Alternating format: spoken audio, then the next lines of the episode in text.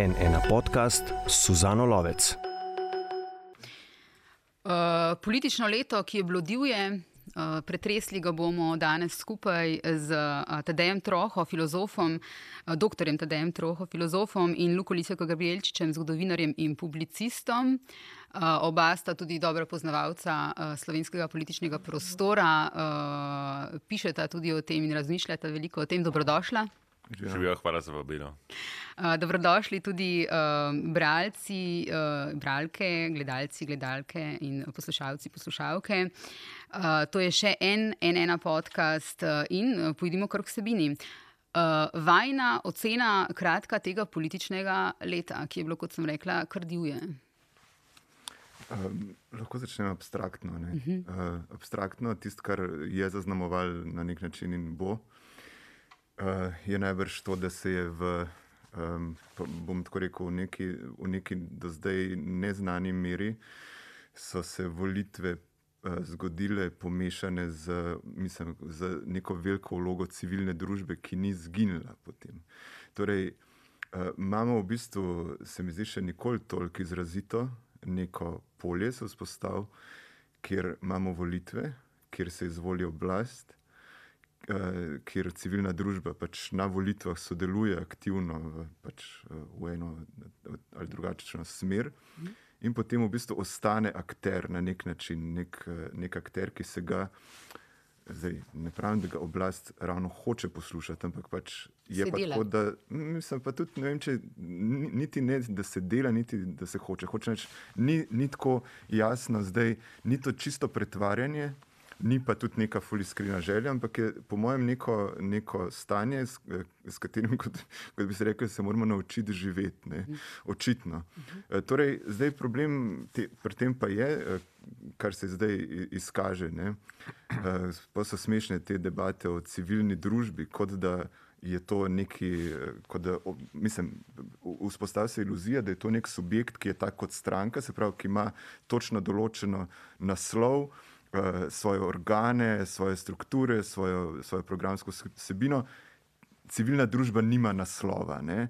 In zdaj, v bistvu, ko potem eh, se v desnici sprašujejo, ne, kaj se zdaj dogaja, zakaj se ta civilna družba bolj ne oglaša, bolj, eh, zakaj ne gre na ulice, ne vem kaj, pridemo do neke smešne situacije. Mislim, sej civilna družba, ne da morate imeti vi svojo, ampak civilna družba kot taka ne obstaja. Torej imamo nekega akterja, ki je mal Maj tako, kot, si ga, kot eh, si ga hočemo predstavljati. Mhm. Torej, imamo izvoljene stranke, imamo eh, akterje na, na ministerstvih, imamo ljudi, potem pa imamo, kadar nam pa še pogledamo na celotno sliko, še skupaj s civilno družbo, zato da se mogoče včasih tudi samo bolj počutimo. Mhm. Luka. Jaz bi kar štartil tako, kot so. Torej, to so bile prve volitve v Sloveniji, kjer so dejansko so recimo evropski mediji ali pa evropsko javno mnenje kazalo neko zanimanje za njih. Neko zanimanje, ki ni bilo tako majhno. V zadnjih dveh letih, 20 eh, do 22, sem jaz imel mogoče 5, 6, 7, 8 vabil strani tujih medijev, nizozemskih, nemških, italijanskih, da sem komentiral situacijo v Sloveniji. To je v mojem kratkem spominu ne, uh, neprecedenčno. Ne. Uh, ta vlada se je, to je, bi rekel, posledica krivda ali pa zasluga prejšnje vlade same, ki se je od prvega dne dalje, pa do besedno tretjega dne dalje, ne, ko je Janša dal si tweet z uh, zemljevidom Višegrajske skupine plus Slovenije plus Ukrajine in s tem dejansko projiciral svoj, bi rekel, politični projekt v neke geopolitične okvirje, ki so medtem razpadle, Višegrajske skupine medtem razpadle. Ne. Ampak on se je, bi rekel, je to svojo politično agendo vezal na neko predstavo geopolitično transformacijo Evrope z, bi rekel, to višegrajsko in liberalno, um, liberalno dvojico, kot bi rekel, nek, neko hrbtenico eh, neke nove Evrope. Ne. In v tem ključu so tudi v Evropi interpretirali dogajanje v Sloveniji. In glavna novica um, letošnjega leta, ki za mene, recimo, ki sem dve leti pisal, da se bo to zgodilo, ni bila novica, ampak je, vendar je novica, je bil uh, popoln in brezpriziven poraz in liberalnega projekta v Sloveniji. Zdaj, ta poraz, kot rečeno, jaz mislim, da je bil napovedan in smo ga tudi napovedali, zato ker Slovenija je na tej, kako bi rekel, ravni civilne družbe, ne, ki je, bi rekel, ljudstvo uh, organizirano politično izven političnih strank, ne, še vedno ostaja pretežno levo-liberalna država z levo-liberalno hegemonijo. Ne. In zdaj mi imamo. Uh, posledica tega, bi rekel, poraza liberalnega projekta je, da imamo mi neko zelo, zelo močno hegemonijo leve sredine, um, ki, je, ki vzbuja neko določeno nelagodje. Ne? Pri nekaterih je to nelagodje, ker ima zdaj menijo, da ima preveliko moč. Uh, pri spet drugih gre za nelagodje, ker se, ker, ker, ker se bojijo ali pa že opažajo notrne frakcijske boje znotraj tega novega ali pa starega, bi rekel, um, hegemoničnega tabora. Ne? In to je zdaj ta realnost, s katero stopamo v leto 2023. Ne? Se pravi, neko zelo, zelo močen blok oblasti, notranje heterogen, raznolik in uh, opozicija, ki je pravzaprav bila poražena do tal in ki uh, pravzaprav nima nekih, um, si je tudi zaprla možnosti neke, neke, neke notranje transformacije. Ne? Uh, tako da to je zdaj nekako, to bi jaz naredil, to je za me ta snapshot situacije. Ja. Uh, naša Meta Roglič je napisala uh, po teh predsedniških volitvah en uh, izvrsten komentar, uh, da je to leto porazov Janeza Janša. Ne? Mhm. In vsi govorimo o teh porazih Janeza Janša. Janez Janša uh, pa med tem tvita, uh, ne, da so imeli sejo sveta, to je bilo prejšnji teden. Uh, Z bilanco supervolivnega leta, ki so jo na seji sveta ocenjevali, prvič volitev v državni zbor, rast poslanske skupine. Uh, lokalne volitve, peta, se peta zaporedna zmaga, prvo mesto svetniki um, in volitve predsednika republike, dober rezultat Anžeta Logarja. A Janez Janša ne dojema tega leta kot poraz, pora, leto porazov Janeza Janša. Rekel, zdaj, tiste, uh, tisto preštevanje svetnikov je tako neka čista svoja kategorija. Ne? To, to dela SDS, to dela tudi kakšne druge stranke, to dela tudi mediji. Mhm. Sred, kako se lokalne volitve prešteje po. Mislim, koga briga, kdo ima največ županov, mislim, to ne, res nič ne pomeni. No, sploh, če ti, če ti odmisliš, recimo, na lokalnih volitvah tudi župane, ki so jasno politično profilirani, pa so neodvisni, pa se reče, ne vem, na koncu Eh, ta pa ta stranka nima nobenega župana, pa ga de facto ima, recimo ne v primeru celja, sej kam, kam dati Matijo Kovača, v levico ali ne v levico, ampak pač ne, hočem reči samo to, da to preštevanje brez veze. Mhm. Ampak za druge stvari, um, kaj od tega ne drži? Drži?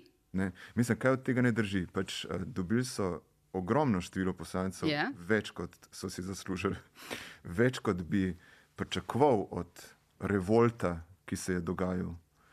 Uh, dobili so s tem predsedniškim, se bomo itak vrnili, kasneje pa ne bi se to spuščal. Ampak dejstvo je zdaj, ne dojema poraza. Ne, po, ne, ne, ne gre za to, da ga dojema ali ga ne, ne izreče ga. Uh -huh. ne, ne izreče ga na ta način in to je njegova moč od nekdaj bila. Uh -huh. uh, on, mogoče si je vem, zaprla opozicija, možnost, da se transformira, ne vem kaj. Uh, Janša si ni zaprl še, noben, še nobene opcije in uh, tudi, uh, tudi uh, bomo čez dve leti videli, koliko kolik je res odpisan. Ne?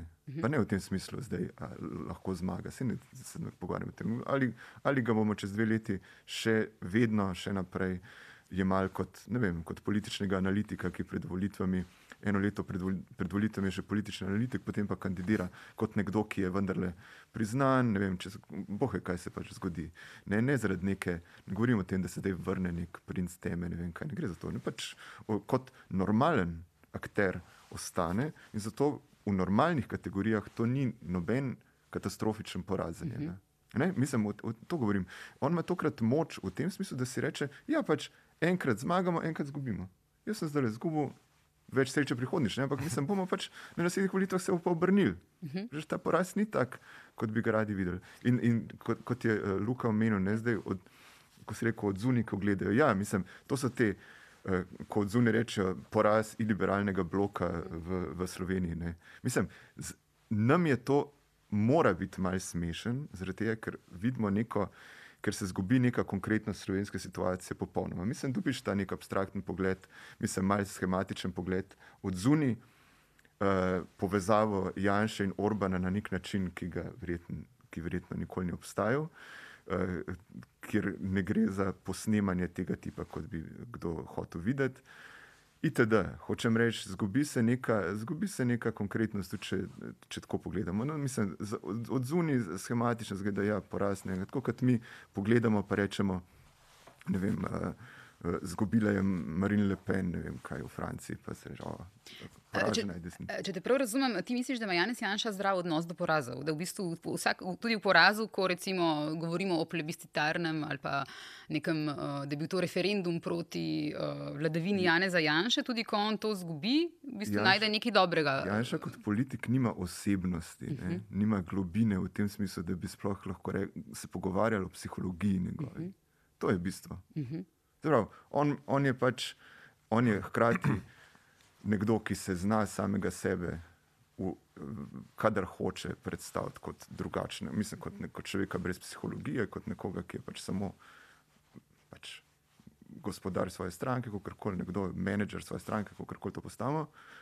In na drugi strani je pač platno, v katerega se projicira ne, in ki se ga krepi in se ga pač, ko iz kjer strani ga pogledaš, zgleda lahko močen, zgleda lahko pa bednik, če ga pogledaš iz prave strani. Mm -hmm. Luka.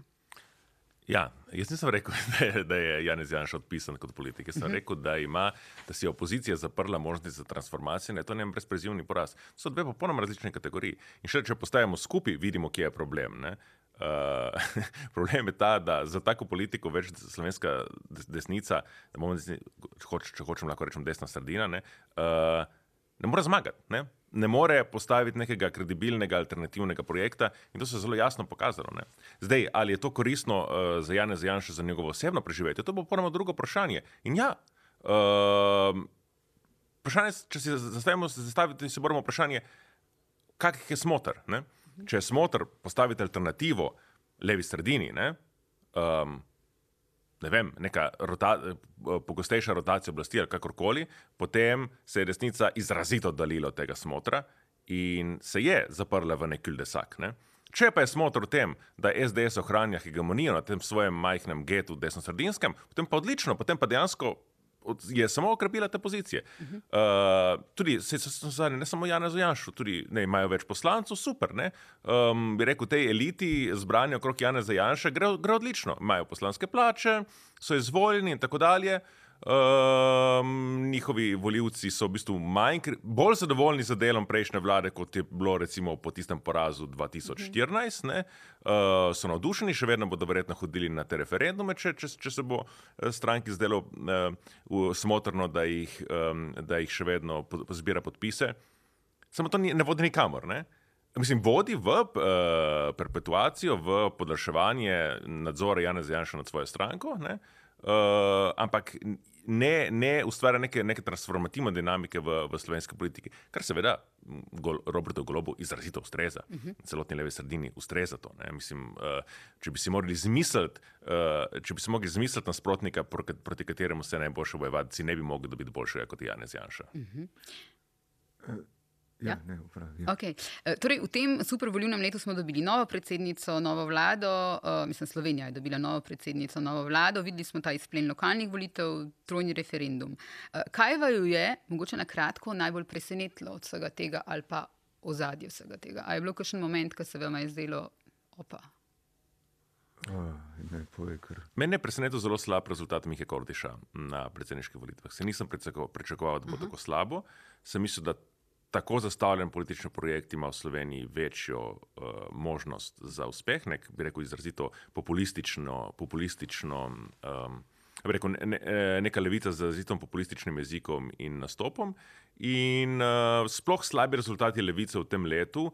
Eden za drugim, za, za sem pa tja, kakšno res izjemo, kot je recimo ta, tudi že spet neprečakovan uspeh uh, njihovega člana v celju, ne, uh, je recimo ena novica, ki se mi zdi uh, tako pomembna. Ne? In da se je kljub vsemu, ne, kljub um, prejšnjemu, v prejšnjem mandatu razpadu nekega. Kaj zvem, um, sinkretičnega, sredinskega centriz, centrizma, liberalizma, da smo danes v situaciji, da imamo že spet popolno hegemonijo neke, bi rekel, uh, liberalne centristične stranke, to je pravzaprav presenetljivo. Ne? Sem mislil, da bo ter veleti Janša pravzaprav ukrepilo uh, levi pol znotraj tega. Ne Janša bloka, se pa ni zgodilo to. Ne? Pa v bistvu smo dobili neko, neko kako bi rekel, buffed up uh, verzijo uh, Cerarja ali pa, ali pa stranke za res. Ne? Ne, tlej, če se na to navežem, ne, mislim, tisto, kar se je zgodilo z, z gibanjem Svobodo. Ne, Mislim, to je nek proces, ki se v bistvu od. Pa bom, bom poskušal to povedati, da ne bo dolgočasno. Mislim, da nočem, nočem še ene verzije te stare teze. Um, od Cererja naprej, prek Šarca do Goloba, je neka linija, ki je mal drugačna kot ta, ok, lahko jo gledamo, stari LDS, ki se transformira. Ne, vem, ne, ne vem. Uh, gre za čist naravni, naravni uh, ustrezanja politika temu, kar drugi, kar ljudstvo, hmm. populus hoče. Zdaj, za, za neko gibanje, za neke tri faze tega, če moramo reči, sredinski populizem. Torej, um, ki je uh, golob zgleda kot človek, kot tisto, kar bi Cerar moral biti, uh, v, če bi bila situacija taka, da bi, da bi, da bi bili uspešni. Zdaj, imamo neke, neke, gledajte, imamo neke te. Um, če se spomnite se Cerarja, ne, ko se je pojavil, pa pustimo, zdaj ti be, begunska kriza je zelo, zelo popačila, cel ta razvoj, hkrati ga je pa blazno razgalila. Mislim, v, v vseh pogledih, ne ja. samo do tega vprašanja, ampak v, v, v njem je vzbudila neko, neko pr, prkazal, prinesla na dan pač neko, tukaj pa ja, eh, osebnostne, psihološke poteze, ki jih je prej hotel skrivati. Kakorkoli. Ampak spomnimo se, kaj so ljudje od njega hoteli. Ja, hoteli so, ne tisto, se reče, ne, morala, bla, bla, bla, kar se tudi zdaj, zdaj v neki. Ne vem, ljudje fantazirajo, da smo zdaj goloba zvolili zaradi morale in obljube drugačnih standardov, mislim, njih imamo se hecati. No. Uh mhm. -huh. ne, mislim, ni, ne razmišljajo ljudje tako, na ta način. Hočeš reči, izvolili so ga zaradi tega, ker ni bil Janša. Izvolili so ga zato, zaradi tega, kar bom zdaj rekel, ker, je, ker zaradi te, tega, kar se je od Cerarja pa zahtevali in pričakovali, in kar je Šarec nakazal, da bi lahko bil kot človek, ki bo udaril po mizi. Ne? Se pravi, da mi tukaj išč, se pravi, išč, išče se neka, išč, iskala se neka figura, ki bo nekako uspela to, to povezati vse te poteze, se pravi, udariti po mizi, imeti malo um, bolj liberalne vrednote, imeti malo sočutja, imeti malo posluha za, za vem, civilno družbo. Znati iti tudi onkraj ne, na nek način, tako kot je Šarec pač šel uh, onkraj uh, te razdelitve uh, po volitvah, ne, na, prvi, rekel, na prvi dan. Uh, ustanovitve vlade, ne, mislim, na prvi seji, prišel z Damirjem Črnčecem ven. Ne, uh, Tako je zdaj golob, mislim, to je ta zadeva, ki jo pozabljamo. Jaz ne razumem, kako jo lahko pozabimo. On je prišel, prvič, ko se je pojavil kot politik, je prišel s Tonetom Krkovičem. Uh mhm. -huh. Jaz ne, ne morem razumeti, kako se to ne govori vse čas. Ker, mislim, lahko razumem, tega, ker je praktično potlačen izvor, ki ga moramo pozabiti. Zato, da, mislim, moramo ga pozabiti zato, da smo lahko uh, vse, to, vse to verjeli. Mislim, se pravi, združili, da tako rečem mi smo tam lahko videli človeka, ki bo udaril po mizi. Ne? Eh, če pa se spomnimo, da je zraven bil Tone Krkovič, pa če si predstavljamo, kaj je on hotel s tem povedati. Pa, reči, pa, pa, pa, pa res ne morem razumeti ljudi, ki, se, ki so presenečeni ali pa ki se delajo presenečene, ko potem slišijo, da golob ni tako najzgaj, kot so mislili, da je. Ne? Mislim, tukaj gre za neko, jaz ne vem, kaj je to bilo. Ne? Jaz se spomnim tle na doskrat na Botra dve. Uh -huh. uh, na, če se spomnite tam, ko, ko imajo uh, sejo pred kongresom, oziroma tisto zaslišanje, ne, ko že zgleda, da bo. Da bo Pentangeli, uh, pač Michael Corleone, pač, uh, zašil, ne, mislim, s svojim pričanjem, kaj naredijo, privlečejo njegovega brata iz Sicilije, samo zato, da se usede, ne, da se usede v publiko in on pogleda. Sam ta pogled je bil dosti, da, da je on se premislil in, in, in pač ne vem, ne, e, ni, ga ni pač potunkal. Ne. In meni se to, kar je kar, to, da pokažeš Krkoviča, to je neka taka gesta, to je neko sporočilo, zdaj pa komu. Ne, pač lahko zdaj fantaziram. Lahko fantaziram, da hočeš, da fantaziram. No, lahko fantaziram, tem, da je bilo to sporočilo Janši. Seveda, ne, pač v, v tem klasičnem smislu. Ne, uh, Glej, jaz sem tukaj, to ne tako, kot se pravi, imam info o tebi, ki ga ti pač, ki misliš, da ga, da, da ga ne bom nikoli dobil. Ne, ne vem, mislim, lahko tako zgleda. Lahko zgleda kot, vem, um, kot človek, ki je zmožen v bistvu človeka iz drugega pola pripeljati na svojo stran. Uh -huh. ne, vemo, za, ne vemo, kaj bi to bilo, ampak neki, neki, kako rekel, neki vabljuga je na tem. Kao, jaz bom v bistvu nekoga, ki z mano politično nima nobene zveze. Jaz sem to, to pamet, to zmožnost, ta, to sem uh, pre, pre, prefrigan, da ga bom znal si sebi podrediti. Torej, pokazuje, v bistvu, mislim, Krkovič je bil hkrati nekdo, ki ve nekaj, in hkrati je bil kot da bi uprizoril. Uh, uprizoril ne vem, njegovega vladanega. No? Tako da rečem, mislim, nekoga, ki ga je pripeljal, eto, glej, ti, ti, ki si bil znan kot veliki general oziroma brigadir ne, na drugi strani VSO, UNO, povezan z vsemi temi, ne vem kaj, um, brat od Tiča Krkoviča, ne, pojavljal si se v Patri ne, in tako naprej. Ne. Ti si zdaj le prišel, ti si le prišel, kaj delati. Predstavljaj predstav kot človeka, ki propagira sola, solarno energijo. Mislim, da to je. Ne, tako, kje se tega spomniš? Kje se spomniš, to ne tako, kot je zato, da on hodi okoli po Sloveniji, igra harmoniko in, in, in, in prodaja, prodaja solarizacijo. Mislim, da tako, ne, hočeš samo reči. Pustimo nekaj vsebina tega, ampak sama ta, sama ta gesta, prišel je praktično nam pokazati, kakš, kako si on predstavlja oblast. Ne? Predstavlja si jo tako, da pač malo na en tak, uh, ne vem, no, Pustimo, dosti fantazije. Imáš ti kakšno fantazijo? Ne, jaz sem takrat zapisal, ne, da je bil ta šok. Si sem gotovil, da tisti, ki smo gledali italijansko televizijo, ne bo jasen format tega šova. Ne. Se je videlo, v kateri šoli se je, se je, se je Robert Golob kalil. Ne. To je tako zelo, rekomerijsko zelo dodelan šov. Ne. V bistvu vsakemu, ki pozna to italijansko televizijo, je jasno. Ne. je jasno, od kje izhaja, bomo rekli, ta teater. vizualni teater. Uh, jaz sem takrat zapisal, da je bil ta šov namenjen eni sami osebi. V, uh mhm. -huh. In uh, seveda, ideja je bila to osebe Jana Zajanša, ker mhm. pripeljati to, kot je rekel, tedej, ne pripeljati Krkoviča tja.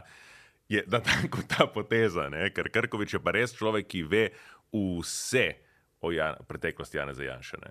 In, in dejansko je ta, bi rekel, prekito izseljevanje doseglo svoj cilj, ne? ker um, nekega, bi rekel, sistematičnega kampanje blatenja proti golobu v resnici v vredni kampanji nismo videli. Smo videli politične pare, smo videli nekatere zelo nerodne poskuse strani požarja in tako dalje, da bi.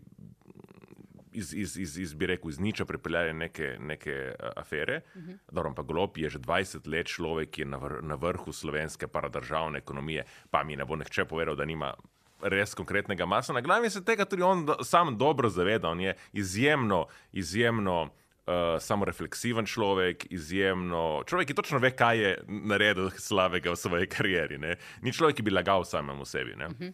uh, tudi o slabih stvarih. Tudi o slabih -huh. stvarih. Uh, je, je pa točno to. Je, je, je Robert Grot je prvi po. Prvi po Drnovšku, na levi sredini, ki je voditelj. Mhm. In zdaj tega ne mislim, uh, ne mislim sploh vrednostno to. Ne? To je čisto karakterno, če hočemo. Ne? Ko se otroci igrajo na, na, na dvorišču, mhm. avtomatično ne, se ve, da ta bo. Bo on uh, govoril, ki bomo tunelčke gradili. Tako, tako. Ne? In on pač ta, to osebno karizmo ima in vsakdo, jaz sem z njim sodeloval tudi v mestnem svetu dolgo let, pa sem se tudi imel priložnost pogajati z njim in tako dalje. Ne? Je človek, ki ima to, to, to karizmo, ne? uh, je človek, ki ima nek know-how. Eh, neko razumevanje za interese ljudi. Ne? In to je tisto, tudi, kar je eno izmed sporočil uh, tega, da bom pripeljal uh, Tonata Krkoviča. On razume, kaj drugi ljudje hočejo slišati, kdo je primeren za katero publiko. Uh, kaj lahko ti daš nekomu, da od njega dobiš, ima ta smisel za quid pro quo, za reciprociteto, je dejansko je menedžer, ampak tudi ima neko zelo globoko, to bi rekel, osebno politično naravo. Uh -huh. um, in tako da jaz od samega začetka na to tezo, češ, da bo uh, Robert Rob še eden v vrsti CR, še eden v vrsti Šarcu, iz tega nisem verjel. -huh. Sem tako pozaril, da to je pač človek, ki knows how to power. uh, ima, ima dejansko, razume, kaj je oblast in ima smisel za oblast, in to se je v zadnjih tednih zelo jasno pokazalo. In uh, ne vem, zakaj so nekateri ljudje šokirani na tem, ne? jaz ni, nisem. No, pa pojdimo zdaj na te aktualne zadeve, da ne govorimo samo za stvari za nazaj. V teh zadnjih tednih se je marsikaj zgodilo. Uh, kje smo torej zdaj, po tem supervolilnem letu, po vsem, kar se je zgodilo? uh, v tem trenutku. Torej, zgodila se je Bobnar, um, ne, zgodil se je ta bivši Drnovškov varnostnik, um, izstop iz stranke, zdaj še Marte Kos, ki je bila prej ne, odstopljena iz predsedniške tekme. Mhm. Uh, o tem smo mi tri govorili veliko, ko smo mhm. pred prvim krogom predsedniških volitev se pogovarjali o tej uh, figuri in o tej igri. Um, da, kje smo recimo z Robertom Golobom, kaj se izkazuje torej v zadnjih tednih? Um, zdaj ta zgodba. Ne? Če sem prej rekel, kako se je pojavil Krkovič ne, na začetku, ne morem si pomagati, da ne, da ne vidim, da se to še kar naprej dogaja, ampak ne samo z njegove strani, ampak iz obeh strani. Torej, eh, te notranje, kako že so, pač razprtije gibanja svobode, so, kot jaz vidim, pač samo neka kodirana sporočila drug drugemu. Um, Ki niso do konca nikoli izrečena, ki so nakazana, mislim, so nakazana. Imamo na sredi sicer ta nekako čudno odprt spopad med Golobom in Bobnar, ki je pač sam čudno odprt, mm -hmm. hiter se je zgodil, mm -hmm. brez trajanja, brez nekaj. Pa pa imamo pač te uh, akterje zraven, ki so pa mogoče pomembnejši kot uh, sam ta uh, centralni spopad. Hočeš to, da, to, da je ta spopad tako. Tako, uh, tako odprt in tako gladko se razvija, in praktično je bilo konc, preden smo se ga zavedali, je malce sumljivo. Tako, uh -huh. rekel, Um, bomo videli, ne, če bo, ne, že, že to bomo videli, če bo šef policije dejansko ostal, ne, kar je, se mi ne zdi prav nemožno. Um, mislim, da bo na koncu pa zvoljen. Tako. Ampak pustimo. Hoče se reči to, recimo, primer. Oglasi se Marta Kos. Ne?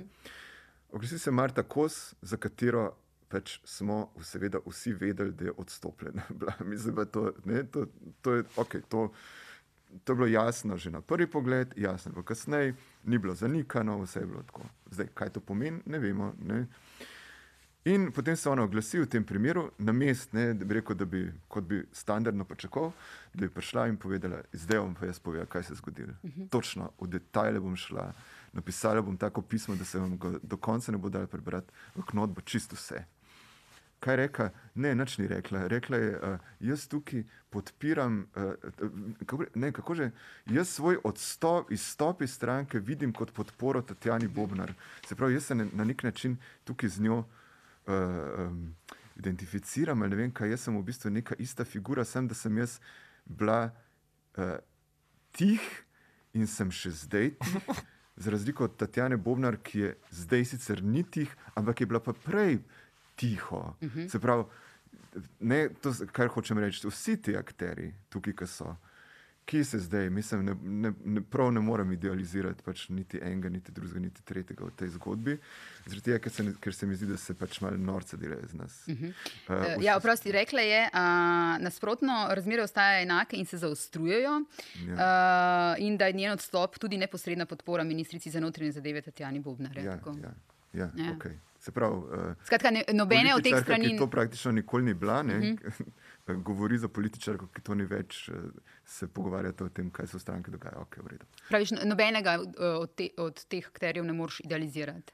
Ne, ne Nobenemu morem, ne daš, lejte, ne daš prav. Ne mo, mislim, čisto idealiziram lahko človeka, ki bi se, ki bi, ki bi, uh, za katerega bi bilo jasno, vidno, da se je ne tako, prav, za katerega bi jaz lahko sklepal, da če je vse, vse bilo narobe, da če bi bil eh, kdorkoli že je šef policije, ne, vem, ni, ni mi to ime tako znano kot vem, vsem, no, ne morem se zdaj spomniti, da je kandidat za šefa policije. Lindav. Če, Lindav, če bi bil zvoljen, a bi ona ostala. Tako, aha, se pravi, če bi uspela doseči to igrico, uh -huh. pol bi pa ostala. Mislim, tako ti se zdobim, se upravičujem. Pri, uh, pri čemer, oprosti, v, v gibanju Svoboda pa neformalno uh, kroži ta ideja, da naj bi v bistvu nekako za vse to dogajanje uh, bila kriva SD. O tem smo tudi poročali. Da oni kar vidijo v, v SD-ju ta, ta napetost med tema dvema strankama v koaliciji. No, torej, torej, torej, nekoga od njih niso preverili na svoj standardni način dveh zanesljivih, uh, vem, uh, uh, dveh zanesljivih članov, ki bi naredili preverko, kdo se je minut kot krt uturil. Prav. Ja. Ja, mislim, lahko da je SD kriv. Mislim, tako, če bi za nazaj gledal, pa bi rekel, kaj, kako zdaj SD deluje uh mhm. -huh. in ki je v bistvu na tej točki začela svojo politiko na, na razno raznih koncih v bistvu. Uh, dajati neke glasne alternative v zdravstvu in tako naprej. Ne, bi lahko rekel, ja, očitno lahko bi si predstavljal, da je SD tukaj zraven umešan, da si odpre prostor za svoje lastno delovanje, da se spostavi, ker je ta prostor popolnoma zaprt resnic, ne, za, za te stranke. Ker oni uh, tako iz glave, ko se rečemo, okay, kdo je, okay, spomnim se ministrice za, za pravosodje. Pol se spomnim, nažalost, ministra za gospodarstvo. Ne, pa Fajon. Pa Tanjo Fajon. Uh -huh. Skoraj skor pozabim. Uh -huh. Mislim, da um, ni jim uspel, da bi za svojo ministersko ekipo tako ven. Zažarili. Uh, ja, kot je v bistvu mogoče celo, ne vem, ni primerljiva uh, vidnost, ne se logično, ni primerljiva vidnost, ne vem, Dominika Šalc-Pipan z Asto Vrečko, recimo, uh -huh. če že gledam gliho to. Pač, ni naredila tega dogodka ne, iz uh mhm. -huh. svojega ministrovanja. Tako da se, okay, lahko da je SD umešan, ampak kaj, kaj ne mi? Uh -huh. Luka, uh, kako ti vidiš to dogajanje zadnjih par tednov? A se je kaj novega pokazalo o golobu, oziroma ali mu je to dogajanje škodilo? Namreč, ja, bi, nekateri, ja. se upravičujem, nekateri uh, že razmišljajo, uh, ali bo, uh, ne, med drugim tudi uh, Logar, kateremu intervjuju še pridemo, uh, uh, razmišljajo o tem, da naj uh, ne bi zdržal uh, mandata. Ne? Vlada ima tako podporo, da tudi če bi hotela uh -huh. propasti, bi, bi to zelo težko uspelo. Uh -huh. uh, jaz bi štartil s tem, da imamo eno stranko, ki ni nikoli, nismo imeli nikoli v Sloveniji ene stranke, ki bi bila tako močna. Uh -huh. S tem, da ne vemo, kaj ta stranka je, ker se tudi oni med sabo ne poznajo. Točno tako. Ne, točno tako uh, ima 41-42 poslancev, ima, kar pomeni, da ima sama več poslancev kot opozicija. Celo, če bi se zgodilo, da bi eh, eh, levica izstopila iz vlade, in celo, če bi se zgodilo, kar je zelo težko si predstavljati, ampak celo, če bi se zgodilo, da bi levica ne samo izstopila iz vlade, ampak potem vse, pri vseh predlogih glasovala skupaj z SDS-om in NSI-om, bi imela samo gibanje Svoboda še vedno dovolj poslancev, da bi dala, da bi dala svoje, da bi v bistvu, uveljav, da bi v bistvu sprejela zakonodajo. Dovolj bi bilo, da bi se SD vzdržala. Mhm. To je dejansko nek model, v katerem bi v nekih drugih političnih uh, kulturah, ne, mhm. recimo v Španiji, ne, ker bi ta stranka lahko vladala kot sama. Mhm. Ne vidiš možnosti, da bi se začel uh, na neki točki osip uh, poslancev uh, Gibanja Svobode, da bi začeli počasi ti neznanci uh, odhajati recimo, v nekatere druge stranke. To smo v preteklosti že gledali, ne, da se je strankam dogajalo. Um, Ali vidite, vidva, še, ta scenarij? Bom še prišel do tega. Mislim, da, ampak je pa to, da imamo to veliko stranko, ki je izjemno heterogena, uh mhm. -huh. za katero jaz mislim, da nihče niti ne ve jaz sem zdaj pred kratkim zvedel, kdo je eden izmed 41 poslancev. Ne, mislim, je, je ta, ta eh, predsednica parlamenta 40 razbojnikov tam ne, in, ni, um, in res ni pregleda, kdo je noter. Je, je na trenutek dobila ogromno, ogromno moč. Ne, in seveda, kar se je zgodilo, je posem pričakovano, ne, da v bistvu opozicija je izjemno šipka. Ne bi moglo biti bolj jasno, še po teh referendumih, kako izjemno šipka je. Um, kriza se na njej bo nadaljevala, v, v, zbežal je mačarski kapital, ki je bil pomemben za izgradnjo njenega medijskega ekosistema okrog SDS-a. Te problemi se bodo nadaljevali, umaknil se je kapital iz pradržavnih uh, firm, ne? tukaj se bo kriza gotovo nadaljevala, ne? pozicija je šipka. Ostale, ostale, ostali uh, koalicijski stranki sta tudi šipki, Levici sploh ni govora, zdaj zdaj ja, išče nek, nek, nek, nek, nek modus, ne, tudi dosti boljše rezultate imela na lokalnih volitvah. Ne. In spravi se vse dogaja znotraj te ene, ene velike hegemončne stranke, tako kot se je včasih znotraj, so bile te, bi rekel, spori znotraj LDS-a, pravzaprav na nekih točkah pomembnejši od medstrankarskih odnosov, tako kot je v Italiji po vojnem obdobju struje znotraj krščanske demokracije, ne. tam se je odvijala vsa politika. Ne. Uh, uh, ne, fanfani proti moru in tako dalje. Tam, bilo, tam so bile glavne razlike, nekaj je komunistična stranka rekla. Ne. Uh, in nekaj takega se dogaja tukaj. Ne. Zdaj pa je jasno, da ko prijejo teh sporov, ne, potem zunanje akteri zlasti tisti, ki so znotraj vladne koalicije, poskušajo najti, da tukaj je razpoka, tukaj lahko mi vstopimo in tukaj, ne, kot je rekel, da se je zdaj odprla za neka niša, zakaj, z, v kateri lahko zdaj SD zaigra vlogo stranke, ki se zauzema, ne vem, zakaj za. za um, Bolj profesionalno policijo ali pa proti političnim čistkam, kar ni zdaj, ne, bi rekel, njena a priorna identiteta, ne, ki pač izkoristi neko nišo. Ne. Ampak vse se dogaja znotraj te stranke. Znotraj te stranke, kjer pa je, ima pa zelo močnega voditelja. nekega voditelja, ki pa ni Miro Cerar, ki pa ni Šarec. Ne, Uh, in dokler bo on še vedno želel, dokler se on ne bo naveličal politike, dokler bo rekel, meni je to dosti, uh, dokler on bo še vedno imel ta svoj um, smotr, dva mandata, takrat bo on poskušal to držati skupaj in takrat bo uh, deloval z neko avtoriteto, ali bo razpadla strankarska skupina ali ne. Um, težko, ne? težko, zato ker on prva stvar, ki je naredil, je dejansko vse možne, kako bi rekel, vse možne. Uh, alternative oziroma konkurenčne stranke, ki bi se lahko pojavile znotraj tega nasledstvenega tabora LDS-a, kooptiral. Ne, uh -huh. Je dejansko začel sistematično odzemati možnosti, da bi, se ne, da bi se nekje nastala neka notranja, notranja da bi se koagulirala neka, neka notranja uh, uh, opozicija proti njemu. Ne. In on sistematično dela na tem, in seveda tudi njegov spor z ministrico iz njegove lastne kvote. Ne, je del, ne, je del njegove konsolidacije oblasti, kjer pa, pokazal, kjer pa se je pokazalo, da so tudi vse slabosti te stranke. Ne. To, da on sploh ni vedel, koga je postavil za ministrico in kje bodo te predvidljivi spori, ker ni bilo neke strukture tudi, bi rekel, načina reševanja notranjih sporov. To je v bistvu se je umazano perilo v trenutku začelo opirati v javnosti in je bilo prav šokantno, kakšne stvari, stvari so si v bistvu tam um, izmenjevali. Ne?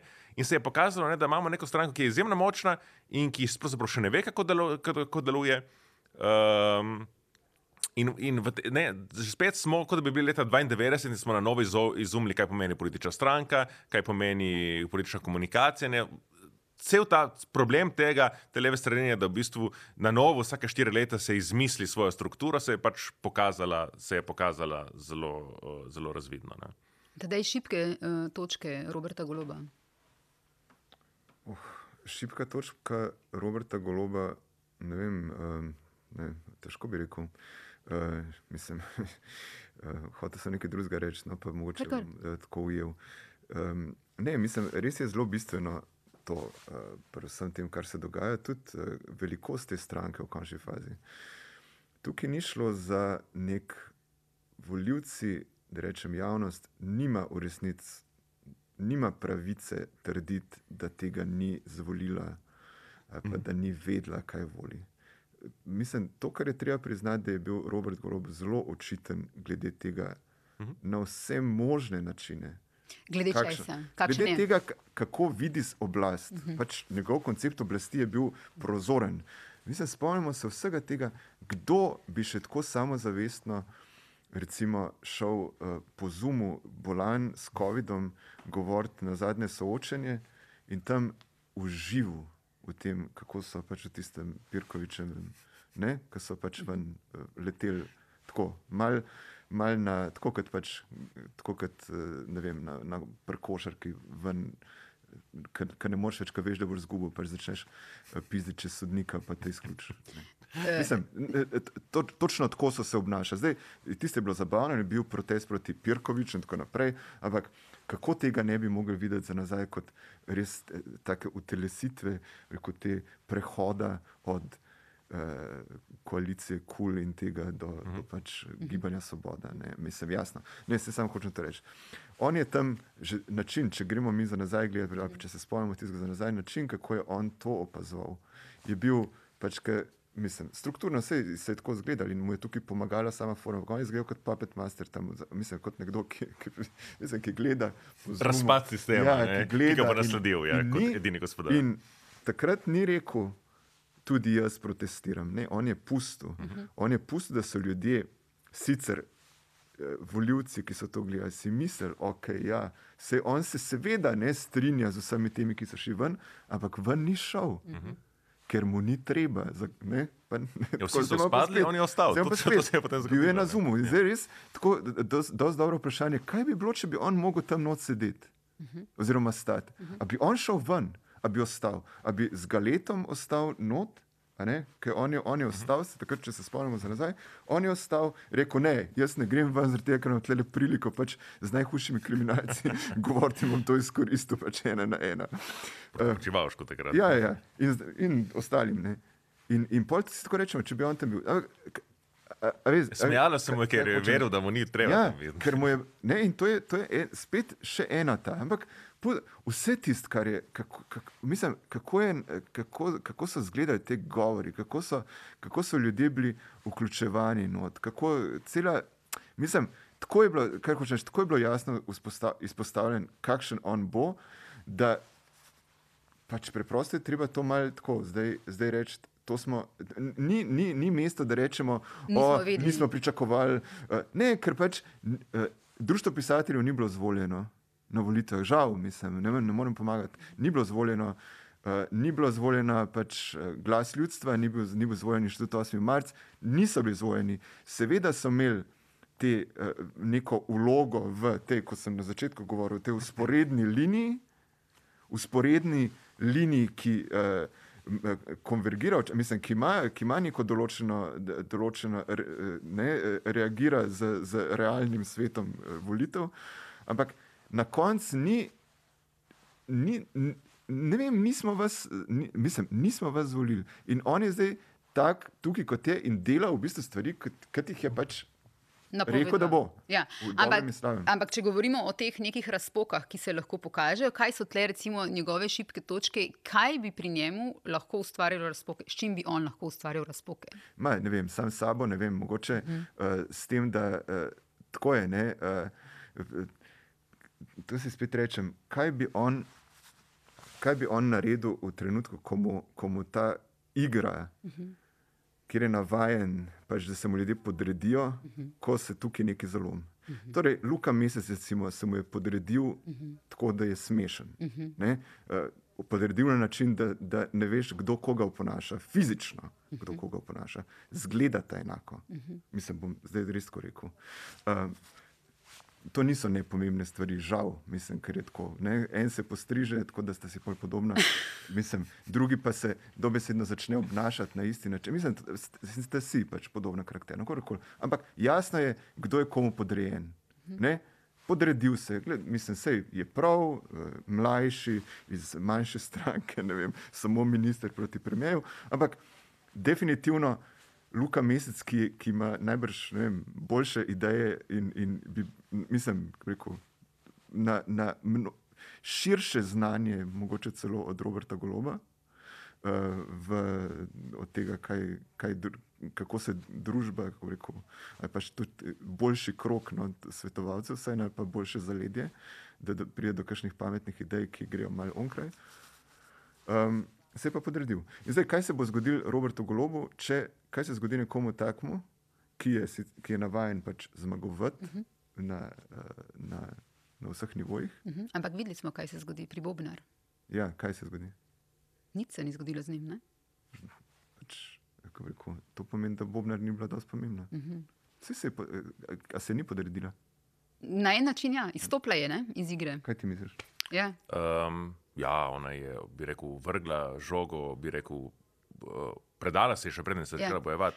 To je bila takrat, leta kaj je bilo 36, ne, bil ta, uh, v, v Angliji ta abdikacijska kriza, ne, ki je bilo vprašanje, ali se, ali se bo uh, kralj Edward VIII potem smel poročiti ali ne, ne z ločenko. Mm -hmm. In takrat so Churchill bil na strani odstopljenega kralja in potem, ko je ta kralj nepričakovano odstopil, je rekel. Our cock won't fight, ne? naš petelin se ne bo boril. Ne? In Tu si tisti, ki so stavili na, na Bobnar. mogli na neki točki reči, our cock won't fight. Ja. ne. Mislim, ona, se, ona je imela na, absolutno odlične možnosti, odlične izkorišče možnosti za, za boj, ampak ker ni razmišljala kot političarka. Kaj je bil njen cilj tukaj? Ne? Okay, njen cilj recimo, je obrovati integriteto policije. Rečeš, to je moj, uh, to je moj eh, politični cilj. Jaz hočem, da se pač, kako bi rekel, da se, da se ohrani v policiji ta esprit de corps, da se, da se bi rekel to ponižanje nekega, neke inštitucije, nekega korpusa, ki, ki, ki deluje po nekim, vendar nekem vojaškem principu, ne, zato moramo biti vedno skeptični do policije, ne, uh, ki je bilo ponižano z to politizacijo in tako dalje, da, da se sama znotraj ozdravi, ne, da sama najde, bi rekel, se očisti, brez vpliva direktnega politike in to bom jaz, to bom jaz kot neko, ki prihaja iz policije, pravzaprav, uh, kako bi rekel, uh, res, restaurirala digniteto te policije in bom jaz postavil ljudi, ki bom malo tukaj pre, premešal ljudi in bom naredila tako, da se bo v bistvu ta korpus sam, sam ozdravil. Ne? In vidim, da tukaj prihajajo pritiske iz nekoga, ki je močnejši od mene in jaz moram to braniti. Okay. Kaj moram storiti za to?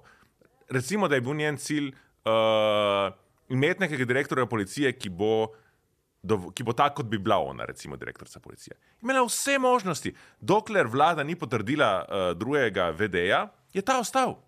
Se pravi, dejansko je ona imela čas, ona je imela na svoji strani že a priori na začetku SD, ki je takoj iskal katerokoli razpoko, da bi se lahko postavil proti golobu. Ne? Uh, in prestala je, je, je, je interpelacijo v parlamentu, imela je veliko podporo javnosti, mm -hmm. lahko bi celo računala na podporo predsednice republike. Uh, podporo javnosti smo že rekli, celo SDS se je zdaj pozicionirala nekako nje. Mene je odlične in v našem sistemu ne more premijer kar reči odstopi. Ne? Ona lahko če ne, pripeljem je pred parlament, meni lahko stavi samo parlament. Česar pa, kar bi bila pa izjemna politična uh, cena za goloba. Ne? No, ona bi lahko igrala svojo politično igro, ne? bi ustrajala pri Lindavu, potem, ko bi videla, da Lindar ne gre čez, bi rekla, ok, bom dala nek drugi predlog. In to ne bi mogli iti v, ne, v nedogled. Ne? Golob ne bi mogel vsakega, uh, vsakega bi rekel, uh, sabotirati. Ne? In, in, bi, in bi šla neko politično igro, kjer mogoče ne bi zmagala 100%, bi lahko zmagala pa 75 ali pa 60 ali pa mogoče 50 odstotkov. In je v takoj na začetku v bistvu, uh, bi rekel, se predala, Golob je pa dosegel zmago, ampak to je bilo tako kot ta ne vem, kot ruska, kot ruska zmaga, ki je osvojitev Južne Ukrajine.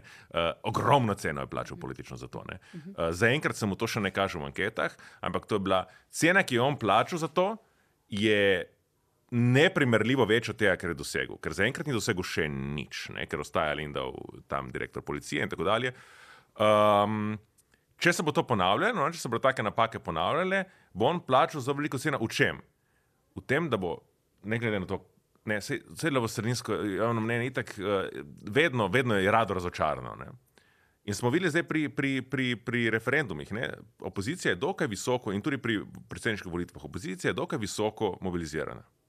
In če se zdaj zgodi, da se levo-sredinsko telo demobilizira, ali pa da se ustvari občutek, da se bo levo-sredinsko telo demobiliziralo, potem bomo imeli čez 5-6 mesecev že spet en val referendumu, ker bo vedno znova poskušal, to je ta, tudi ta taktika ne, izčrpavanja, kdaj bomo pa dosegli tisto točko, ko bomo mi dosegli teh 20,5 odstotkov uh, glasov, da bomo nek zakon, uh, bi rekel, um, uh, vrgli, ne, uh, ker bo levo-sredinsko telo dovolj demobilizirano. Ne. V našem političnem sistemu ti, če nočeš konstantne blokade, potrebuješ neko dejavno podporo svojega volilnega telesa, kar je dobra politična ureditev. Ne? In Robert Golob preko se tega zaveda. Preko se zaveda tega, da pač on ne more vladati samo z to, bi rekel, res veliko široko podporo v parlamentu, da rabi tudi nek dokaj solidno, konstantno, aktivno podporo levo-strinskega volilnega telesa zaradi te nevarnosti referendumu. Ne? Uh, če se tega ne bo zavedal, je, je nevarno. Tedej odkimava vsi. Jo, sem samo umil, pozabil. ne, dajmo še malo razmišljati uh, ja, uh, o tem, kaj se zgodi, če se, kot si rekel, uh, ne podredi golob, ki je vajen, da se mu ja. ljudje podredijo, če se mu ne bo podredil nekdo dovolj pomemben. Kaj se bo potem zgodilo? Samo jaz mislim, da uh, Robert Golob je, jaz, kako bi rekel, ko prihajam iz Nove Gorice. Yeah. Ja. Robert Golob je 20 let uresničeval svoje politične interese v občini, ki so ekonomski, ki so politični, ki so čisto, ne, pa, pač interesi, ne, uh, kot član mestnega sveta. On je bil, ne vem, dva, tri, štiri, pet, ne vem koliko mandatov, predsednik krajovne skupnosti Kromberg. Torej, če si ti, ne, ti moraš imeti neverjetno potrpežljivost, da deluješ v lokalni politiki. To, je, to se moraš, bi rekel, uh, ne, če ste gledali House of Cards, ne, ta prva sezona, ne, ko prije ta senator, ki se ukvarja z, ne vem, s tistim nekim Putinom, se pogovarja, potem pa prije točka, ko mora iti v Južno Karolino in se ukvarja s temi banalnostmi, ne, nek, ne, neke prometno nesrečo. In moraš imeti ta smisel za, za ja, potrpežljivost smislu, zakaj za, za interese ljudi, ne, tu neko, neko ponižnost in on se tega je navadil. Torej, on, on je seveda človek, ki izhaja iz menedžerskega, on deluje kot menedžer, ampak ne podcenevati njegove potrpežljivosti in tega, kako je on. Če ima nek cilj, je, in tako je tudi logar, ne, je lahko on leta in leta dela na tem cilju in marsikaj požre, da doseže, kar hoče. Ni, ni to, ni, je Markurijevska osebnost, ja, no, ampak no, ne, reč, ni, ni, uh, ni nepotrpežljiv. Aha, no, ker, ker uh, njegova, nje, njegovi nastopi, ne, o čemer si prej tedaj govoril, uh, zelo varirajo. Ne. Videli smo ga v teh javnih nastopih, recimo takrat s tem COVID-om in javljanjem preko Zuma. V, Najbolj neki dobri obliki javnega nastopanja. Videli smo ga pa v zadnjem času uh, v študijih, uh, tudi že zelo nervoznega zdaj, ko je bila ta Bobnar zadeva. Ne? Tako da uh, tudi novinari verjetno čakamo, mislim, opažamo to razliko, uh -huh. ko je on nervozen, ne? uh -huh. ko nekaj ne gre po njegovem. Um, eh, Ne, sem, ne, to, Ja, ja, se spomnim, kaj sem hotel reči. Uh -huh. ne, sem, sem red, eh, podaril bi nekaj. Ne? Prej, sem, prej sem pozabil, kako Lindavovo ime. Ne? To se mi konstantno dogaja in imam strukturen razlog za to. Je. Nočem, da je policija takšen faktor, da bi jaz, ob, ne, kot se reče, ob, ko me zbudiš ob treh po noč, vedel, kdo je, kdo je kandidat za VD, za, ali VD ali kandidat za general. Ne, ne zanima me. So to je ta meme. tako, To je ta in- meme today in tukaj- has been, In ne. tukaj, je, in tukaj je problem, kar se mene tiče v tem. Ne, tuk, eh, Tatjana Bobnar, ne, zdaj, če sem kritičen ne, do nje, mislim, do, do, do te njene predstave, kako ona to. Jaz sem tam uredila policijo. In, in tako se predstavlja, nekako. Ne, jaz sem uredila policijo, policija mora, mora eh, tako se organsko, nekako ne smemo preostro, ne vem kaj, eh, to mora biti. eh. Uh, ok, zakaj nisi generalna direktorica policije? Mhm, Točno. To je treba In meni, mi meni to ne gre iz glave že od začetka. Ne, nekdo, ki je tam šel, Ja. ni. Ne, ne hvala. Ja. Ne hvala, ne rabimo. Ne rabimo, ne rab, mislim, in, in, in, in n- raje ne bi imel policista ali policistke za ministra za notranje zadeve, Mhm. oziroma ministrico.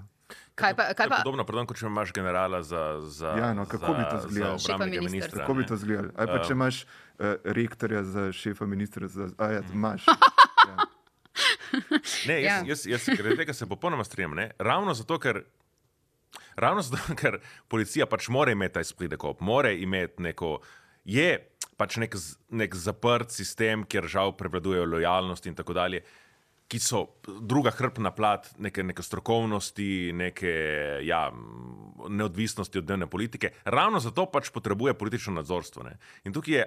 Iz izhodišča je bilo napačno zastavljeno, ampak je bilo nastavljeno zato, ker tudi v tem levostrodinskem uh, javnem mnenju se ne, v, stroka in tako dalje, neraščičeni pojmi so bili. Ne? Ja, ja glej, glej, po, pri policiji se ne, to uh, civilna družba, ne, sta skupaj pisano, ne praktično. Uh, tukaj se je zelo jasno javlja in na način treba obraniti stroko in tako naprej. podprla Bobnar? Ja, pa- ampak braniti stroko, stroka, stroka, stroka, stroka, stroka. stroka.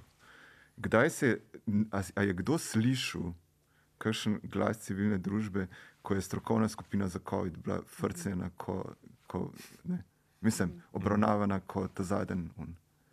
Tako, pa ne pravim, da bi zdaj morali iti na, na ulice zaradi tega, ampak reči, zaznati, oglasiti se, tudi če, in sam, samo zato, ker pač oni ne bi imeli mask, ne, zdaj bom čisto rekel, ne, Ja. mislim, halo. Tako, dejmo, treba, po mojem, tle tudi res treba reči. Civilna družba, če se postavlja, z veliko, do, bom rekel, veliko dobrega je naredila. Ta, te, te civilno-družbene skupine nimam tako, da bi zdaj rekel, no, nič niste naredili, uh, motite igro velikih, dobrih. Ne, ne, ne, ne, ne. Ampak, če si ti vendarle se toliko izpostaviš in vzpostaviš kot, politič, kot stabilen politični akter, moraš biti stabilen politični akter. Se pravi, se moraš opredeliti do nekih stvari, imeti neko konsistentnost in imeti. In, in, in imeti neko stabilnost tudi v svojem odzivu, in nekaj, nekaj ne, kot bi rekel Janša, iste vatle. Ne. Mislim, uh, isto nekako, ne, uh, politič, ne uh, isto obravnavati vlade kot, kot eh, te čudaške opozicije, ker, ker enostavno ne moreš isto obravnavati, oziroma če isto obravnavaš, ne boš dobil istih rezultatov. Ne? Bo zgledal, kot da imaš različne vatle, ampak samo imaš objekte drugačne, ki jih miriš s temi Ne, vatli. iste kriterije. Ne? Ja, no, vse pravim. ne. Uh, in, in, in moraš imeti to.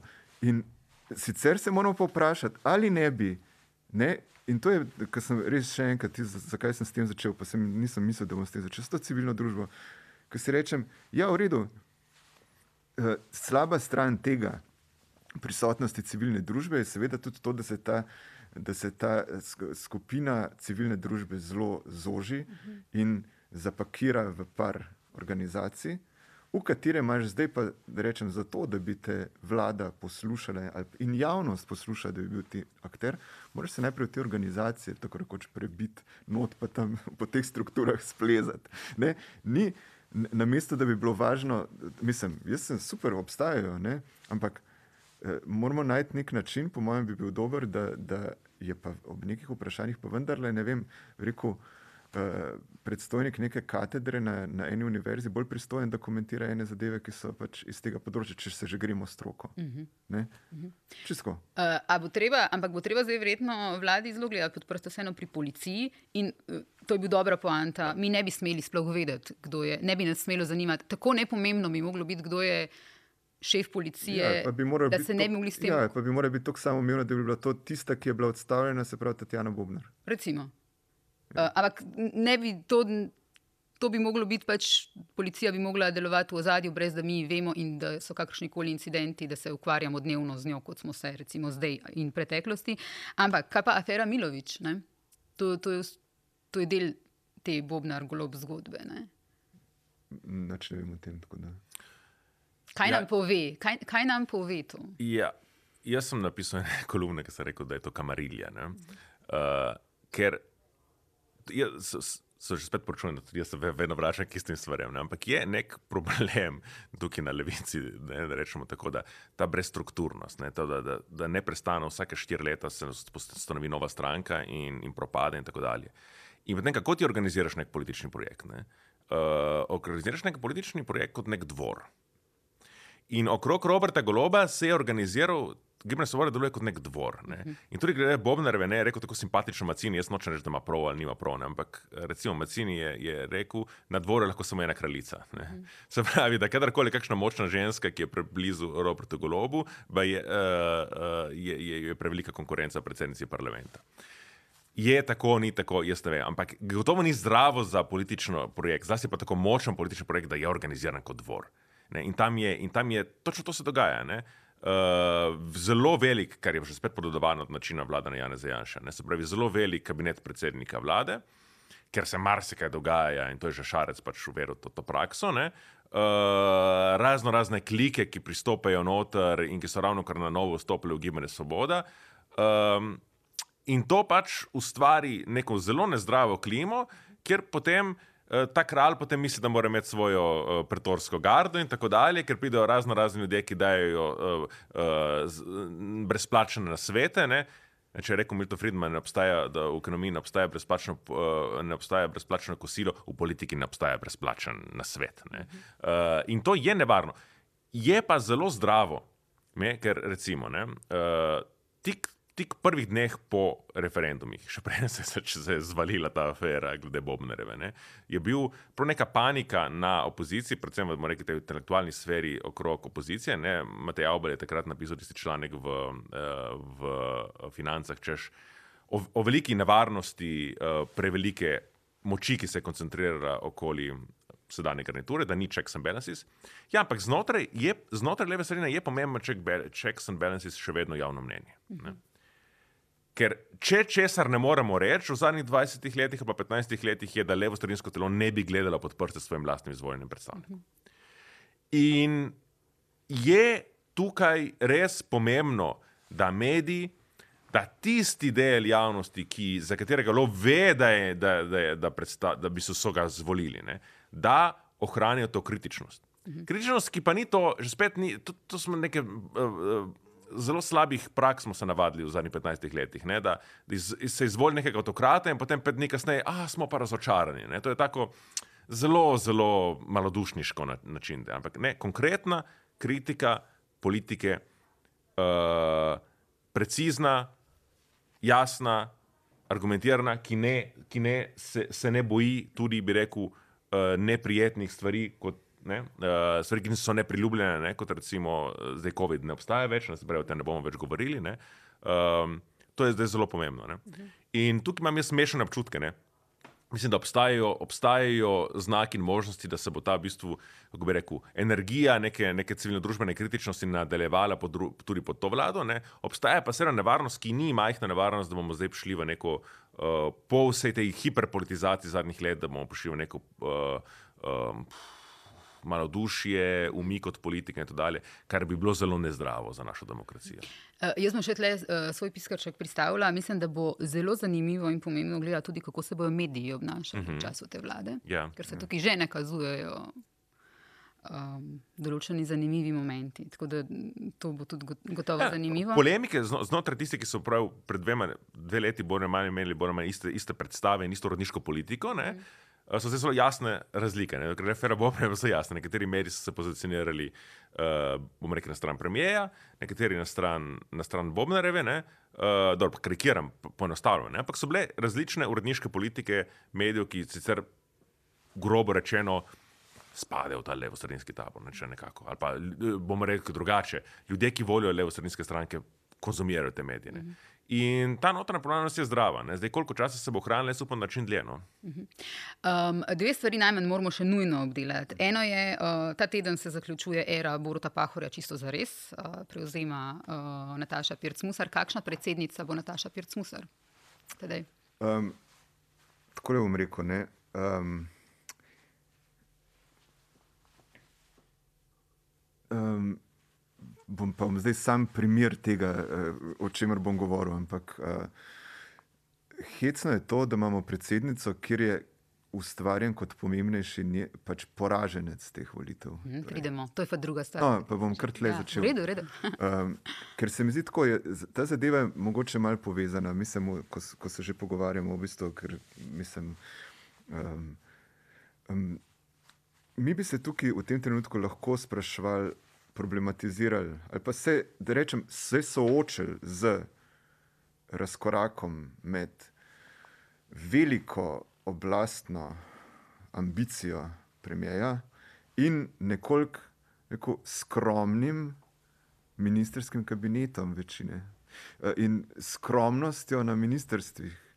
Mhm. Eh, mini, ob, ob rekonstrukciji vlade, ministrstvo za solidarno prihodnost, super. Mhm to, da imamo mi zdaj, mislim, ta žalost, ki bo zdaj iz skupaj prej, prej Združenega ministrstva za šolstvo in znanost in tako naprej raz, razdvojeno na dva, ta neambicioznost, tako pri izbiri ministra za više šolstvo, uh mhm. -huh. ki je, mislim, da res slaba izbira. Uh mhm. -huh. Mislim, pa iz moje, kako bi rekel, sfere, pa si pa bom to rekel, za nalašč, če bom to rekel. Um, in ne, ne rabim argumentirati, vejo, koliko delajo in ne, kako rekel, zakaj. Um, na drugi ravni, minister za šolstvo, ki se mi zdi šolstvo, kako. Prav hecno me je, ne? neka progresivna vlada, vlada, ki pravzaprav ne sem, mislim, progresivna v tem smislu, tudi sama se deklarira, tudi premijer je progresivec, se pravi, nekdo, ki hoče, da se stvari uh, radikalno uh, pre, premešajo, prešaltejo, ne, oziroma to je neka stava, s tem je dobil volitve in to tudi najbrž sam na nek način malo hoče, uh -huh. da, ma, da je v bistvu področje šolstva tako nepomembno, da je to še en minister, za katerega ne bomo sploh vedeli, kako mu je ime. Ki je bil zbran takrat nekaj na hiter, tako mal, kot no, dobro, ne, dajmo, ne. Uh -huh. Pa pa zdaj, ko imamo možnost, pa se reče, a res lahko, mogoče dobimo ministr za šolstvo, ministrico za šolstvo, neki, neko figuro, ki bo prišla z neko idejo. Toliko stvari je v šolstvu za popraviti, ki so drugačnega problema. Zdravstvo imamo tako eh, razjebano, ne, da ga je zelo, zelo težko popraviti. Šolstvo je razjebano na čist drugačen, na drugačen način. Zaradi tega, ker seveda je bilo uloženega na ravni občin dovolj denarja, da se, se da so osnovne šole bolj ali manj v razmeroma dobrem stanju. Učiteljev ne primankuje toliko, kot primankuje zdravnikov, kljub vsemu, pa čeprav je tudi že tukaj težko dobiti. Ampak je na ravni ideje problem, kako mislim, ko imamo, vse, mislim, mogoče tukaj nisem še v tem govoril. Eh, vsak, ki se zaveda približno minimum, ve o podnebni krizi, ne, pa tako naprej in o stanju okolja, klime, vsega danes, celega drugih sistemov.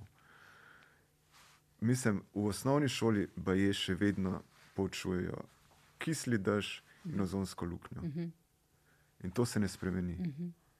Kisli dež je stara, zadeva praktično pri nas neaktualna. Ozonska luknja, bi, o njej bi se lahko govorili, ampak na način, kot zgleda, kako ko, se je se uspel ja. nekako v nekih časih, uh mhm. -huh. ki, nis, ki so isti časi, kot ko se od, ne, vse te zadeve so zanimivo povezane, kakorkoli. Kot bi se dal, da ostane v kurikulumu, ampak pač na drugačen način. Ampak, hočeš, toliko je teh idej, ne? zdaj na tvoje vprašanje. gre. Je. Uh, sam tak primer, ki mi je res v oči bijoče, pač ta neambicioznost, ta neka, mislim, na Ministrstvu za kulturo je vse videti, pač nek, nek zagon, ne, kakorkoli. Um, no, namesto tega, da bi se ukvarjal s tem, skratka, s tem razkorakom, pa da bi, pa da bi, da bi se soočil s tem, gledajte, mi smo zvolili tega goloba, mislim, z- mi, zvolili, večina je zvolila tega goloba, mediji, ki ga bodo zdaj kritizirali ali pa ne kritizirali, so ga pomagali zvoliti, seveda. So, ne, ne, ne, manj eh, so pomagali premagati Janšo, kot so pomagali zvoliti točno gibanje Svoboda. Ne? To je, mislim, Janša bi padel, tudi če bi v, v, v vakumu glasoval, praktično, mislim, da, da skoraj tako rečem. Ampak namesto da bi se s tem soočili, se mi, se rekel, leva sredina v tem, v tem praznem smislu, domisli nove igrice. Ne? Gledali bomo, ustvarjali si bomo mi, oziroma par, participirali bomo na neki očitni, očitni, očitnem nategu, ki je Anžel Logar. Ja, drugačen je, seveda, realno drugačen so, seveda ni najboljši prijatelj od Janša, ne vem kaj, ampak ne, on je prišel. Mi se zdaj ukvarjamo s tem, ali je on morda nekdo, ki bo na desnici eh, rešil, ne vem kaj tukaj. In? On, in on pove, da ne bo. Da, bo, da dela, Mislim, on je v tem intervjuju delam na tem. povedal. Delamo na tem, Ja, pač. ja. Ampak On je bilo pa jasno, kar smo izvedeli v tem intervjuju, je bilo jasno, da v bistvu uh, je vse v sozvočju z Janšo. ne. Jaz res priporočam Ja. uh, vsem, da si pogledajo prvih 25 minut Hm. uh, tega intervjuja. Zakaj? Zato, ker, ker najboljši moment je tam nekje na 20-23 recimo, minuti. Pozorno si gledal. Ja, ja sem. Ja. Um, ko, ko vpraša uh, Orešnik, vpraša, uh, ja, ampak kako zdaj, gospod, a ni gospod Janša vam drži, da je vam je svetoval, uh, da, pač, da ste samostojno kandidirate, da niste v stranki? Pa on reče, Ja, ja, seveda, seveda. Ja, ja, seveda, ja, seveda. Uh, tako je bilo. Ne? Jaz sem se v bistvu zato, osnovna ideja je bila moja, da imam. Uh, da sem samostojen, da imam podpise, pa da imam tudi stranko zraven. In reče, potem pa prišel, ne, da zdaj malo tako po spominu govorim, potem je prišel pa Janša, pa mi je rekel, še boljš, uh, ne sploh stranko kandidirati, ne, kaj to pomeni, še boljš. Še boljš boš lahko nategnil ljudi, ne? jaz imam še boljše ideje. In ono ocenjuje kot še boljše. Povedal je, vse je povedal. Vs, vsa ta fantazija bi se morala razbliniti, Ja. ampak se ne bo. Uh, ne bo se razblinila, ker uh, publika tega noče, ker mi hočemo. Uh, in to je spet, mislim, spet smo imeli volitve, ki so bile pač čudaške, so se končale tako, kot so se morale. Se pravi, s tem, da jaz zdaj govorim deset minut o Logarju in o Golobu, namesto da bi govoril o predsednici republike. Ja, ker vprašala sem, kakšna bo. Ja, tako. Kakšna bo? Ja. Um, bomo videli. Ne? Okay. Luka. Še vedno isto vprašanje dobim. Ja, ka, kakšna predsednica bo Nataša Pircmusar, ki prevzema ta teden? Ne vem. Ne vemo. Ne vem, ne, vem uh, ne zdi se mi korektno tudi soditi mm. vnaprej. ne. Um, je zanimivo, ne, da je tako zanimivo, noteworthy, ne, velja opozoriti, da to je prva predsednica republike, ki ni bila članica nobene stranke. Kot da- kot dejstvo nam tukaj. Ne. Uh, dejstvo je tudi, da je, da je ni nov obraz. Uh -huh. Če koga poznajo slovenske javnost, pozna že 25 let Nataša uh -huh. Pircmusar. Zelo, ja, zelo, jav, zelo mnenje, njeno mnenje o vsem bolj ali manj poznamo, ker so zadnje smo lahko videli. O vsem, čemer ima mnenje, ga je povedala ne, v zadnjih 20 letih. Um, ali se bo spremenila, ali bo nekako, bi rekel, jo bo to vloga preoblikovala, da bo drugačna in tako dalje, kako bo našla, kako bi, bi rekel, svoje to karakter, ki ga vsi poznamo in njena stališča, umestila v, v to dokaj osko funkcijo predsednika republike, bomo videli. Uh, jaz več kot tega ne bi povedal, zato ker se mi zdi korektno, da pustimo čas, pustimo čas, pustimo ji čas in bomo videli potem čez eno leto, kakšen, uh, kakšna predsednica republike bo. Uh, drugačna kot Pahor, drugačna kot Drnovšek, drugačna kot Turk. Uh, nek novum bo tukaj. Ne? Na- Kot še vsak predsednik doslej bo na novo izumila to funkcijo. Ja, Ja, ima pa kar nekaj možnosti, kako je lahko na novo. izvoli. Mila bo, Mila bo pa to konkurenco, ne, konkurenco ker poraženec predsedniških volitev ne bo nehal igrati predsednika. To je ne, zanimivo.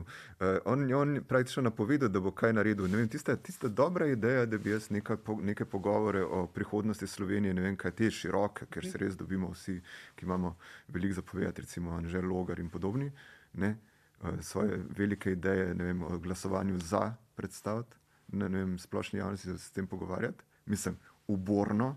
Ne, um, On bo to delal nekaj, kar bi v bistvu pričakovali od predsednice republike uh -huh. v tem konkretnem primeru. Ne, se, to je tudi njen program, tako da bomo imeli zdaj dve. Dva, dve usporedno še enega dve usporedni. In to, to, je, to je zelo, po mojem, nekaj, kar, kar je tako prav za nas, kar, mislim, zelo kar, kar značilno in kar dobro se je šlo. Točno tako se, točno tako se dogaja, kot se mora.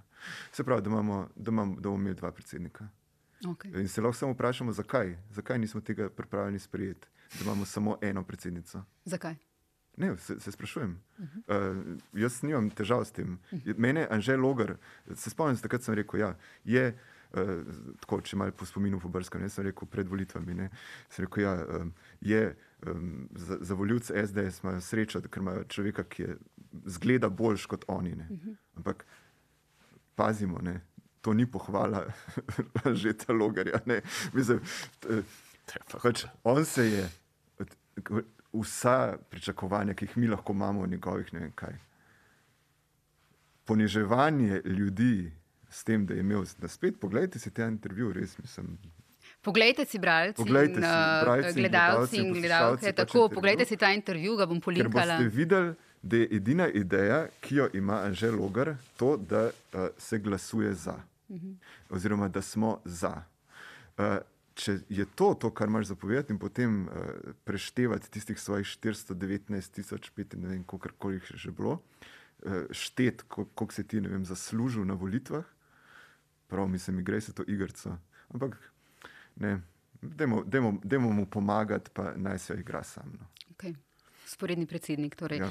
Jaz se vama obema najlepše zahvaljujem za gostovanje. Upam, da kmalo spet, gotovo bojo še priložnosti, še pridete. Z veseljem. A ja, ja, se vidi. Ja, okay. Sklenda, Juf. Uh, Hvala tudi uh, gledalkam in gledalcem, poslušalcem uh, in poslušalkam. Pogovor najdete pri vseh ponudnikih podkastov na YouTubu in seveda na n1info.si v članku. Hvala lepa še enkrat. Hvala. Hvala tebi.